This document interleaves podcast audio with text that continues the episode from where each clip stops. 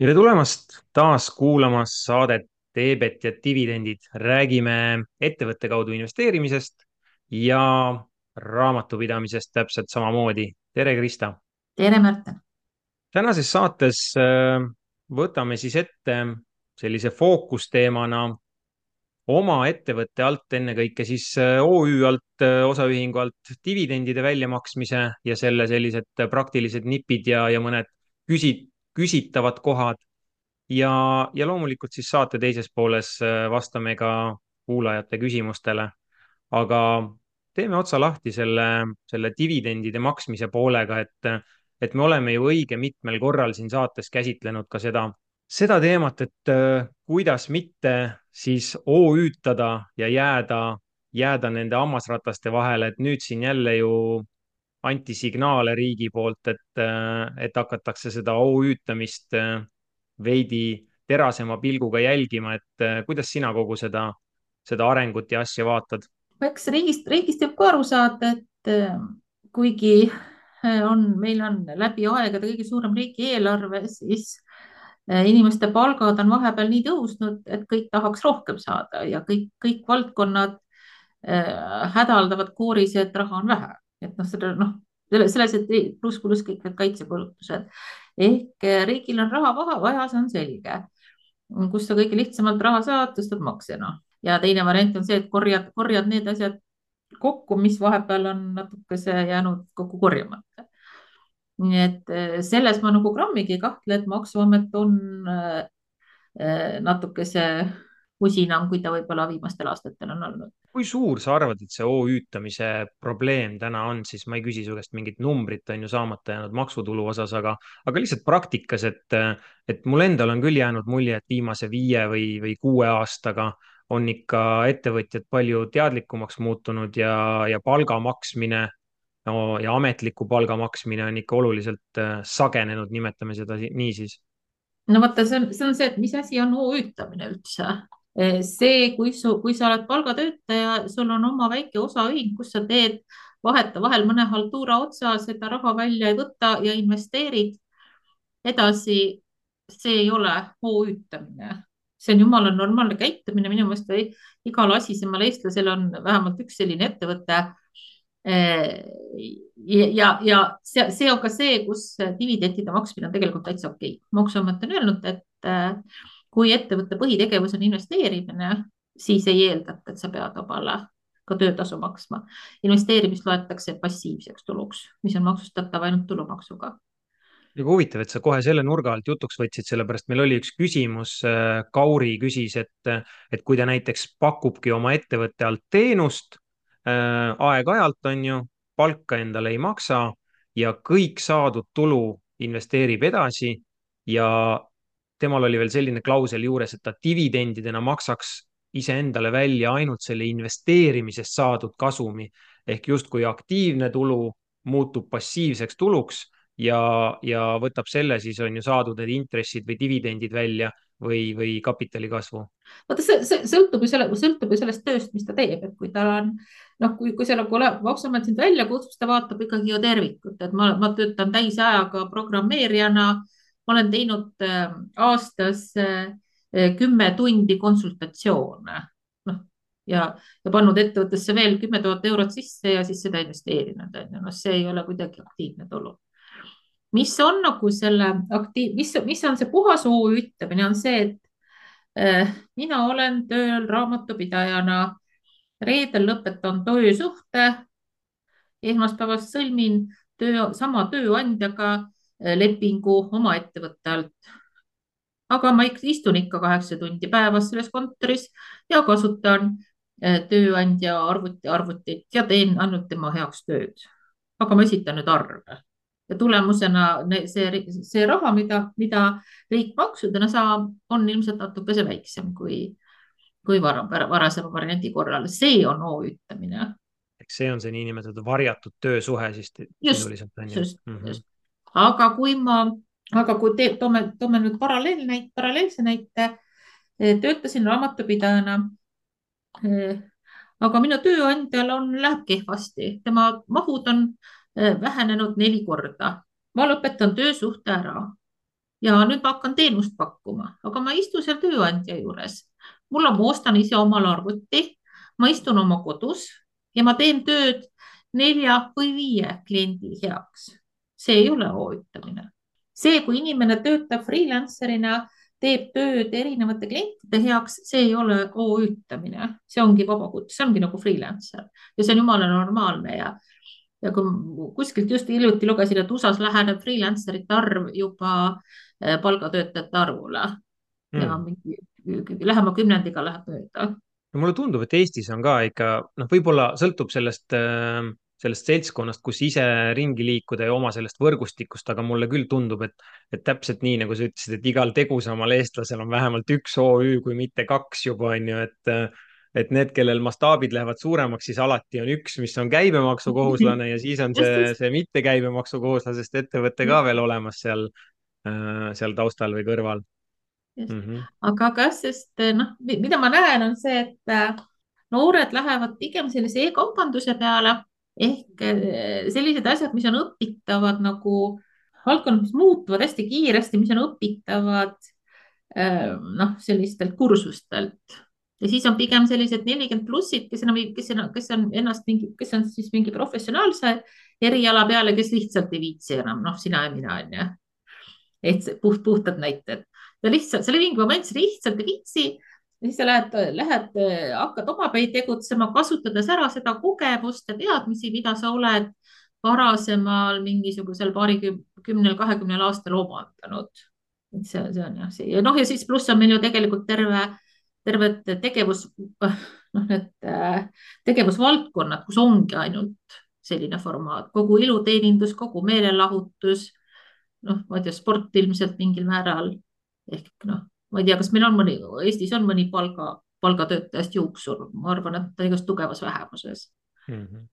no nii, aga ütleme, et me oleme siis nüüd kenasti selgeks saanud, et äh, varjatud töösuhe on halb, on ju, OÜ-tamine, saime enam-vähem selgeks, mida see endast kujutab ette ja, ja mõtleme siis nüüd, et me tegutseme niimoodi kenasti seaduse antud äh, juhtnööride raames ja meil jääb siis oma kas ettevõtlusest või investeeringutest äh, saadavat tulu nõnda palju üle, et, äh, et sooviks omale midagi dividendidena välja maksta, siis ähm, noh, paljud ähm, investorid, kes on omale tegelikult investeerimise tarbeks teinud ju, ju ettevõtte ja andnud sinna sisse näiteks omanikulaenu, siis äh, ütlen kohe ära, et enne kui te hakkate dividende võtma, siis enne võtke omanikulaenu tagasi, kas osaliselt või täies mahus, on ju, et, et alati on ettevõttest raha väljavõtmisel see, see järjestus maksuefektiivsuse mõttes on, on päris oluline ja see omanikulaen on seal äh, järjekorras number üks, on ju, et, et mis, mis moel raha siis ettevõttest äh, kätte saada tagasi. noh, ja sinna, sinnasamasse katlasse läheb tegelikult ka see, et äh, kui sa hakkad juba ettevõttest raha välja võtma, siis kasuta ära ka need erinevad maksusoodustused, noh, kasvõi see noh, igasugused eh, kodukontorite ja sporditoetused ja säärased ja igasugused lähetuses käimise võimalused ja koolitused ja. ja asjakohased kulud on ju, kui sa investeerid, eh, omad neid igasuguseid subscription eid ja ligipääse platvormidele ja nii edasi. just mm, -hmm. et, et noh, see on ka mõtet nagu üle vaadata, et aga, aga jah, kahtlemata kõik need kulud ja omanikulaenud on enne, enne dividende nii, aga ütleme, et see omanikulaen on siis täies ulatuses välja võetud või seda ei olegi, noh näiteks mina toimetan nii, et, et ettevõtte alt ma investeerin seda raha, mis mul ettevõttesse ongi tulnud, et mul omanikulaenu sisse pandud ei ole. ja kui ma nüüd äh, soovin dividende välja võtta, siis äh, meil on üks maksumuudatus jälle ees ootamas või? dividendide tulumaksu osas, et saad sa paari sõnaga rääkida, kuidas on äh, seni olnud ja kuidas siis nüüd, missugune see maksumäär järgmisest aastast on? no kaks muudatust on, üks on see, et kaob ära see regulaarsete dividendide veider regulatsioon, see tehti kunagi ju nende Rootsi pankade jaoks, et, et makske siis vähemalt kaks kolmandikkugi ära, kui ter tervikut ei taha maksta mm. -hmm.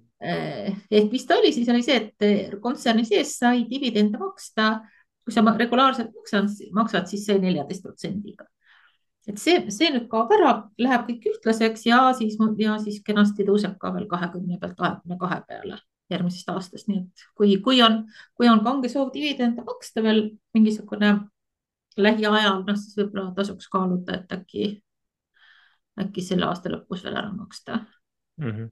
ja siis teemegi siukse, räägin lahti sellise lihtsa praktilise näite ka, et neile, kes, kes võib-olla ei ole varem oma ettevõtte alt dividende maksnud ja ja ei oska neid, ähm, neid numbreid kuidagi ette kujutada, et kuidas neid maksusid arvestada ja kuidas see asi praktiliselt käib, siis äh, teadke seda, et noh, näiteks ütleme, et kui sa tahad võtta välja dividende kümme tuhat eurot, siis ähm, sul ettevõtte kontol peab olema natukene ikkagi rohkem raha. et see kümme tuhat on see, mis sa kannad siis endale kui osanikule üle, aga riik tahab saada ka tulumaksu ja sealt sellelt äh, kümne tuhande euro suuruselt dividendisummalt arvutatakse siis see maksusumma ja, ja seni teda arvutati siis, äh, kui sa ei ole varem dividende maksnud, siis on kakskümmend kaheksa kümnendikku ähm, justkui osa. kakskümmend viis ehk kakskümmend viis protsenti ja oi jumal, mitu korda ma olen seletanud, miks kakskümmend viis, mitte kakskümmend. täpselt, sest et seaduses on kirjas, et tulumaksumäär on kakskümmend protsenti, miks ma nüüd järsku maksan kakskümmend viis, on ju just, et see on, see on nagu päris paljudele selline väike ebameeldiv üllatus ja mm. järgmine aasta on siis kahekümne viie asemel kakskümmend kaheksa. ehk sisuliselt on ju, kui sa sellel aastal nüüd maksad dividende välja eelmiste majandusaastate eest, siis kümme tuhat tahad endale saada, kaks pool tuhat pane valmis äh, Maksuametile ülekandmiseks, seal on see viitaeg õnneks nagu sees on ju, et saad vahepeal, vahepeal seda raha kokku kraapida kusagilt, kui ei ole. Äh, ja uuest aastast siis äh, läheb äh, kriipsu võrra veel kõrgemaks see, see osa, mis tuleb riigile ära tasuda. ja mida, mida, mida, mida sa pead vaatama, on see, äh, võta, kui sa tahad nüüd dividende maksta, siis ütle raamatupidajale, et ole nüüd, äh, ole nüüd kulla ja tee kähku mu kahekümne kolmanda aasta aruanne valmis ja siis sa vaatad bilanssi, mis on seal omakapital, omakapitali plokis seal bilansi viimases osas, palju on seal jaotamata kasum. kõigi eelnevate, kõigi eelnevate aastate kasum pluss siis see kahekümne kolmanda aasta oma et oletame, et sinna on näiteks kaheksa tuhat äh, kokku kogunenud, siis kümme tuhat, millest ma siin enne rääkisin, see on minu helesinine unistus, seda ma realiseerida ei saa, on ju, et. just, just, et sa võidki, kui sul on seal kokku kõik need kõigi, kõigi aastate teenitud kasum kokku on kaheksa tuhat ja siis see on see, mida sa võid välja maksta. aga sa pead olema kindel, et äh, see, see tulumaks läheb äh, selle aasta kasum, selle aasta kasumi aruandesse. sa pead olema kindel, et sel aastal sa teenid vähemalt selle tulumaksu jagu kasumit. sest vastasel juhul äh, lähed kahjumisse ja, ja läheb omakapital paigast ära. just, just mm. -hmm ja siis sa pead raha juurde panema, mis on ka nagu väga, mis ei ole ka nagu hea mõte mm. -hmm ja noh, jällegi on ju, et see on see, see selline raamatupidaja vaade ja riigi kui maksuvõtja vaade, aga teistpidi, kui ma mõtlen nüüd ettevõtjana või, või selle isikuna, kes omale neid dividende välja maksab, siis noh, näiteks seesama kümme tuhat on ju, siis reaalses elus mul peab see raha kusagil olemas olema, ta peab mul olema kas pangakontol või mul peab olema mingisuguseid, noh näiteks siis investeeringuid, mida maha müüa. et äh, kui raamatupidaja saadab mulle aruande ja, ja näitab, et näed, et sul selle aasta kasum oli kaks tuhat ja jaotamata kasum on kokku kümme tuhat, siis see ei tähenda seda, et mul kenasti istub kümme tuhat kuskil pangakontol ja ma saan nagu nipsust omale on ju ülekande teha. just ja täitsa okei okay on kohe välja maksta need dividendid mitte ühe korraga, vaid äh, mitmes osas e,. kindlasti mitte, mitte mingil juhul ära tee seda igakuiselt, palun ära tee seda igakuiselt kui sa hakkad omale iga kuu dividende maksma, siis, siis, siis on juba suht, suht suur tõenäosus, et maksuamet võib hakata, hakata nagu norisema. E, kui erand, kui sul on puhas investeerimistulu kui sul on puhas investeerimistulu, sul ei ole seal aktiivset, siis maksuamet ei saa, siis see regulaarsus ei ole oluline. ma olengi, ma olengi, ma olengi rentjee. mul toodab, mul on investeerimisportfell, toodab iga aasta sada tuhat kasumit. ma maksangi selle iga kuu omale välja ma ei tee tööd ja Maksuametil ei õnnestu seda mitte kuidagi ümber kvalifitseerida töötasuks, kuigi ma teen seda igakuiselt. aga Näiteks kui sul on ikkagi see mingisugune mingisugune aktiivne osa sees ja sa maksad omale näiteks mingit miinimumpalka või natukese rohkem.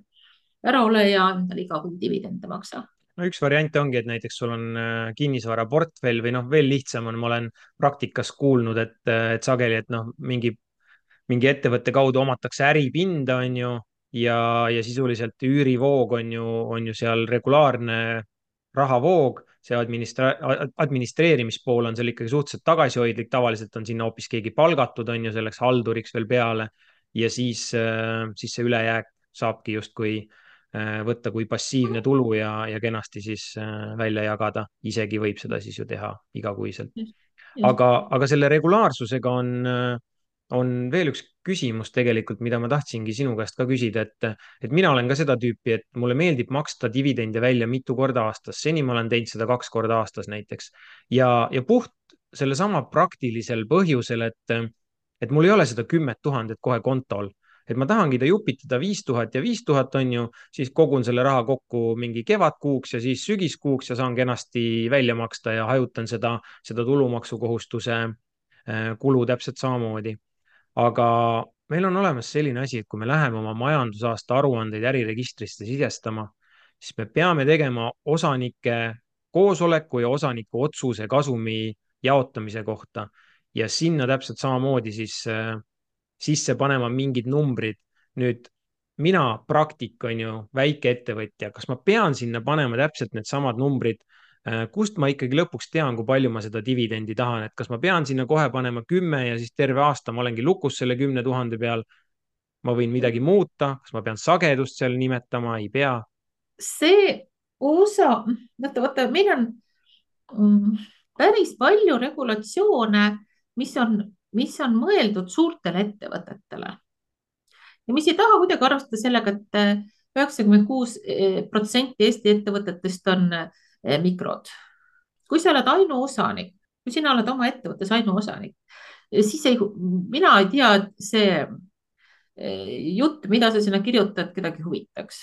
sa paned, paned sinna kasumi jaotamise ettepaneku, kirjutad sinna mingisuguse arvamuse ja, ja nii on ehk sisuliselt ma võin, ma ei tea, ma olen selline võib-olla tubli ja püüdlik, et juba veebruari esimestel päevadel olen oma aruande äriregistrisse sisestanud ja panen sinna, et ma soovin dividendidena välja võtta kümme tuhat ja ei pea sinna panema, et millal ma seda dividendi võtan. võib-olla tuleb jaanipäev kätte ja vaatasin oi-oi-oi, et selle aasta esimene poolaasta on läinud eriti hästi, et ma julgen nagu seda vana rasva võib-olla natuke rohkem välja võtta, et võtaks hoopis kaksteist tuhat, et see on siis igati aktsepteeritav käitumine. mina, mina ei, mina ei tea, et see kedagi, kedagi üleüldse huvitaks.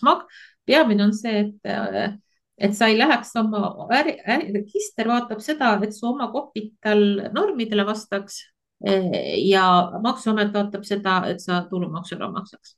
ja kui sul, kui sul, kui sul on suurettevõte ja sul on väikeaktsionärid, see on hoopis teine teema. aga kui me räägime sellisest isiklikust investeerimisfirmast või noh, investeerimis pluss natukese töö tegemise firmast, siis see on hoopis teine teema. kas me saame kuidagi äh, ma praegu täiesti lennult siin tõstatan selle arutelu, ma ei ole kordagi varem ise ka selle peale mõelnud, aga Krista, kas me saame kuidagi ühiselt praegu mõtiskleda, et ütleme, et meil on investeerimisettevõte, kuhu on, kus omanikulaenu ei ole enam või üldse ei ole ja sinna on kogunenud siis aastatega jaotamata kasumit, võtame seesama näiteks see kümme tuhat on ju. nii, kas seal kusagil on mingi mõistlik piir, et kui palju ma välja võtan ja kui palju ma igaks juhuks seda puhvrit äh, jätan sellepärast et lisaks sellele tulumaksukohustusele, mis toodab ju nii-öelda raamatupidamislikult kahjumit, meil äh, võib tulla ka see tore asi, mille nimi on karuturg ehk äh, ehk aktsiaturgude langusfaas, mis tähendab seda, et sõltuvalt sinu investeerimisportfellist võib-olla mõni aasta toob sulle miinus kakskümmend, miinus kolmkümmend, miinus viiskümmend protsenti kahjumit. aga selle, sellepärast ongi nagu nutikas mitte, mitte maksta kõike korraga veebruaris välja, vaid jagada, jagada, jagada see juppideks. kas, kas ma, meil on, meil on ju selliseid börsiettevõtteid, kes maksavad kvartaalselt dividende. Eestis on suhteliselt vähe, mujal riikides on see, on see rohkem levinud, jah just, et eh, noh, mina, mina, mina olen ka nagu jõudnud järeldusele, et kvartaalne dividendide maksmine on jumala okei okay. mm. -hmm. et ära maksa kõike, kõike, kõike, kõike päris veebruaris välja, maksa niimoodi veerand märtsis ja ja siis vaatad, mis on juhtunud ja siis maksad veerandi, veerandi siis juunis ja vaatad, mis on juhtunud ja üks asi, mida võib, mida tasuks veel meeles pidada, on see, et kui sa oled, kui sa oled päris pisike ja sa rihid seda mikroettevõtja aruannet, mida on lihtsam teha ja mida, mis on noh, ütleme ausalt ikkagi ülikooliharidusega inimene saab kindlasti selle, selle kokkupanekuga ise, ise hakkama. ilmselt, ilmselt ka keskharidusega inimene, kui natuke, natukesegi asja uurib. Äh, aga mikroettevõtja aruandel millega minnakse alt, on see, et seal ei tohi olla kohustused suuremad kui omakapital. ja kui sa liiga palju oma dividende välja maksad, sa võid selle, selle võimaluse nagu endalt ära võtta. ja noh, miks, miks mikroettevõtja aruanne on hea? üks on see, et seda on hästi lihtne kokku panna. bilansis on täpselt kolm rida, käibevara, põhivara ja kokku. ehk sa ei pea hakkama mõtlema, et kuhu, kuhu reale nüüd see liigitub ja kuhu reale see nüüd liigitab ja sa ei pea ümber hindama, see on kõik sotsmaksumused. ja teine asi on see, et seal on hästi vähe infot ehk kui sa oled selline alustav investor, siis on võib-olla tore, kui kõik, kõik, kõik uudishimulikud sõbrad ei tea, mis sul see, mis sul seal täpselt on väga hea, et sa selle mikroettevõtja aruande jutuks võtsid, et meil Ivan ongi siin küsinud ka, et kui ettevõte ise vastab mikroaruande tingimustele, kas on mingisugused juhud või mingisugune olukord, kus siiski oleks mõistlik vabatahtlikult lasta siis koostada väikeettevõtte aruanne, et, et kas see annab mm. mingites olukordades eelist või pigem mitte? ma ütleks kaks asja, üks on see, kui sa tahad ettevõtjana kelleltki raha saada, kas sa lähed, kas sa lähed panka laenu küsima, kas sa lähed mõnelt investorilt raha küsima, siis ma tahan küll näha natukese rohkem infot, kui selles mikroettevõttel on. ehk sa nagu demonstreerid sellega, et sul, mis sul seal ettevõttes on ja et sul on nagu raam, et see väikeettevõtja aruanne on üldiselt juba selline, mida võiks teha raamatupidaja ja sa, kui sa, kui sa esitad finantseerijale korrektselt koostatud aruande, sa demonstreerid ka seda, et sul on asjad korras mingi sihuke kerge kvaliteedimärk ka, kuhu sa oma ettevõtlusega jõudnud just, oled. Mhm. ja teine, mil, millal, mis võib-olla, millal on võib-olla mõtet seda väikeettevõtja aruannet kaaluda, on siis, kui sa tahad oma varasid ümber hinnata mingil põhjusel mikro ei tohi ümber hinnata, mikrol on soodusmaksumus. aga kui sul on näiteks, ma ei tea, krüptoportfell, ostsin kunagi viis aastat taga, kümme aastat tagasi mingi mikrosummaga, praeguseks on noh, kõvasti tõusnud ja siis langenud ja nüüd jälle tõusnud. ehk kui sul on sellised varad, eh, mida, mida, mida sa tahad üles hinnata? kas sisuliselt me saamegi praegu, sinu viimane näide oli päris hea, see krüptonäide. Eh, noh, seal neid eh, portfell võib teha, on ju, see või see, see investeering võib teha seal mitu X-i või kümme või viiskümmend korda on ju tõusta. mõtlemegi näiteks, ütleme, et et oli ettevõtte all äh, tuhande euro eest ostetud äh,, äh, ma ei tea, Ethereumit näiteks on ju ammu-ammu aastaid-aastaid tagasi. Ja, ja ega seal suurt midagi muud võib-olla ei olnud ettevõttes, ainult see Ethereum oli. Pidevalt oled kasutanud kenasti mikroettevõtja aruannet. Ja nüüd tänasel hetkel siis vaatad sinna peale, ütled oi-oi, et see Ethereumi hind on viiskümmend korda tõusnud, mul on tuhandest saanud viiskümmend tuhat ja kas see tähendab nüüd nii, et, et justkui mikroettevõtjana ma dividende võtta ei saaks, aga kui ma esitan nüüd väikeettevõtja aruande, näitan kasumit, siis ma saan selle, osa sellest just, tulust vähemalt välja just, võtta dividendidena. just, just, just.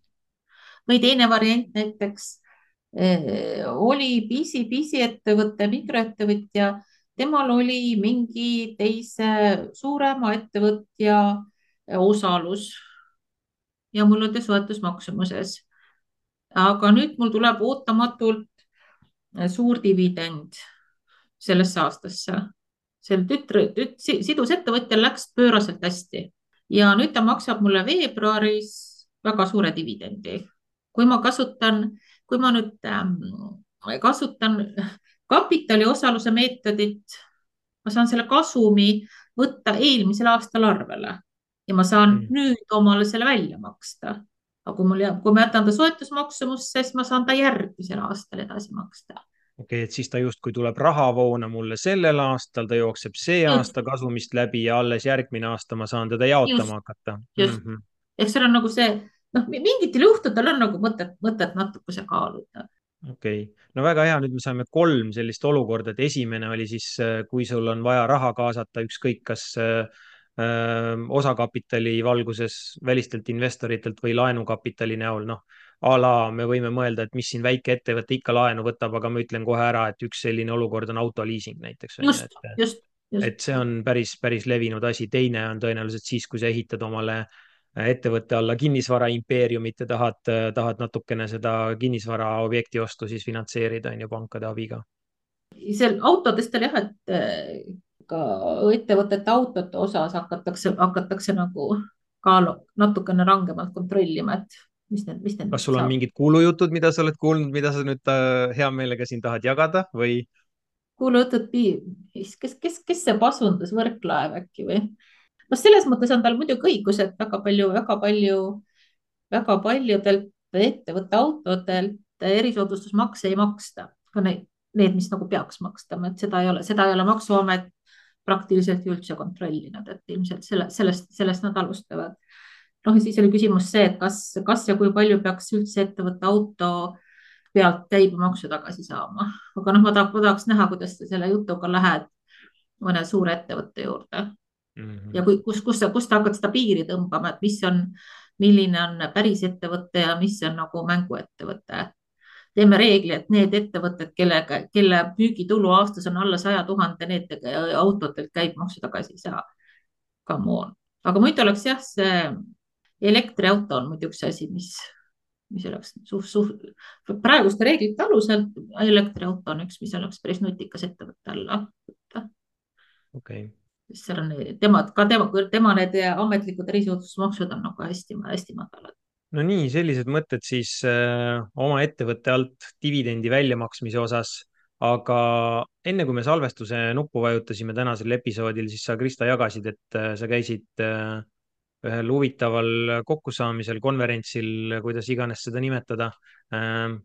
saad äkki paari sõnaga jagada, kus sa käisid, mis mõtteid tekitas see see kooskäimine? see hästi tore üritus on TEDx Tallinn. ma ei tea, vahe, vahepeal Covidi ajal vist teda ei toimunud, aga nii kui, kui ma, kui mul, kui mul on natukenegi võimalik olnud, siis ma olen alati, alati seal osalenud, et selline tore formaat. erinevad inimesed teevad lühikesi ette, ettekandeid ja räägivad oma elu, elu, elust, kogemusest ja arvamustest, et selli-, satud, satud nagu selliste eh, lugude peale, mille, mida muidu, muidu nagu võib-olla ei kohtaks ja selle äh, äh, konverentsi teemaks oli säilenõtkuks. kohutav eestikeelne sõna, aga nagu inglise keeles on resilience. ja, ja siis oligi, et eri, erinevad inimesed rääkisid siis oma, oma vaatenurga alt sellest resilience'ist ja. säilenõtkus ütlesid sa? säilenõtkus. Väga peen no ja resilience, okei okay., no mulle kohe investeerimise valguses tuleb, äh, tuleb meelde siin Nassim Taleb oma, oma kontseptsiooniga see anti-fragile on ju, et see antihabras nii-öelda eesti keelde vist vahepeal tõlgiti mm. -hmm. see ongi seesama asi. Eesti, mulle meeldib rohkem eestikeelne sõna vintskus ja, ja vot seal on juba jõudu sees selles sõnas on ju ainuüksi aga eks, eks, eks ta investoritel ole, ole ju ka väga oluline, mis sealt, äh, mis mõtted sulle sealt kuidagi kõnetasid või, või meelde jäid või kellegi konkreetne esinemine? see hästi vahva esinemine oli, mu nime, nime kahjuks ma väga vabandan, ei mäleta, eks. üks noor tütarlaps, kes äh, rääkis sellest Solaride'ist, kuidas tudengid ehitasid äh, elektri, selle päiksepaneelidega autot ja kaks aastat ehitasid ja siis läksid Austraaliasse võistlema ja, ja siis olid suured tulekahjud ja päikest ei olnud ja siis nad istusid ümber lõkke ja jõudsid järeldusele, et kõik on pekkis. aga siis ootamatult avastasid järgmisel päeval, et mitte ainult neil ei ole pekkis, aga kõigil võrdselt on pekkis. Ja lõpuks said kolmanda koha. Okay.. see oli nagu nii hea lugu noh, vaata selle. kui sa, kui sa oled nagu teinud kaks aastat tööd ja siis sa oled mingis momendis ja, ja sul on nagu kõik lootus on kadunud. ja siis istud seal õhtul kurvalt ümber lõkke ja mõtled, mis siis nüüd saama. aga sa leiad omas, omas jõudu ja sa lähed edasi. et see oli, see oli hästi-hästi minu, minu meelest üks paremaid lugusid mm. -hmm intellektuaalselt huvitavaid oli teisigi, aga see oli nagu sihuke, noh, siukse vint, vintsku sees kuju Ko. kogemuslugu ennekõike uh. -huh. Mm -hmm vot invest-, investori valguses ka see, see antihabras äh, kontseptsioon on iseenesest, äh, iseenesest justkui päris huvitav ja, ja läbi aja ma olen ise näiteks investorina avastanud, et äh, mulle meeldib, kui mul portfellis on mõned sellised äh, noh, kontratsüklilised ettevõtted mõnes mõttes. see tähendab justkui seda, et eh, kui majandusel läheb eh, halvasti, siis väga suur osa sektoritest on protsükliline ehk ta käib selle majandustsükliga või majandusaktiivsusega ühte jalga. aga siis on traditsiooniliselt eh, täitsa mõned sellised valdkonnad, mõned sektorid, mis millel ei ole sooja ega külma sellest, et kas majandusel läheb ekstra hästi või ekstra halvasti ja need kaks peamist on siis kommunaalteenuste ettevõtted ja esmatarbekaupade ettevõtted, et, et hambapastat, šampooni meil nii või teisiti on vaja. noh, võib-olla seal käib selline väike mäng, et, et me ei osta seda ekstra kallist peent öko Skandinaavia hambapastat, vaid lülitume tagasi Blendameedi või Colgate'i peale, aga kontseptuaalselt on ju, see on see, see selline kaubagrupp, mis, mis kuidagi jääb, et võib-olla siin leib, sai ja, ja toiduained on, on teine sama näide ja, ja noh, sellest sektorist ongi siis need igasugused suured jaekaubandusettevõtted nagu Walmart ja, ja samamoodi natukene tervishoiusektorist mingid ravimifirmad, äh, kus täpselt samamoodi, et noh, tõenäoliselt kui asjad lähevad majanduses nigelalt, et siis sa oma oma kodulaenu, kommunaalid püüad ära maksta ja tõenäoliselt, kui sul on regulaarsed ravimid, mida peab võtma, siis sa ostad oma vererõhurahud ka ära, et vaevalt, et sa neid vahele jätad, on ju. aga, aga jah, mingi reisimised lükkad edasi ja auto, autot, autot ka ei vaheta ja ma ei tea, maja ka ei ehita ja ei sisusta, on ju, kodutehnika, mööbel, riided samamoodi, need on jah, kõik. mingid, mingid asjad sa saad edasi lükata, mitte midagi ei juhtu, kui sa paar aastat edasi lükkad.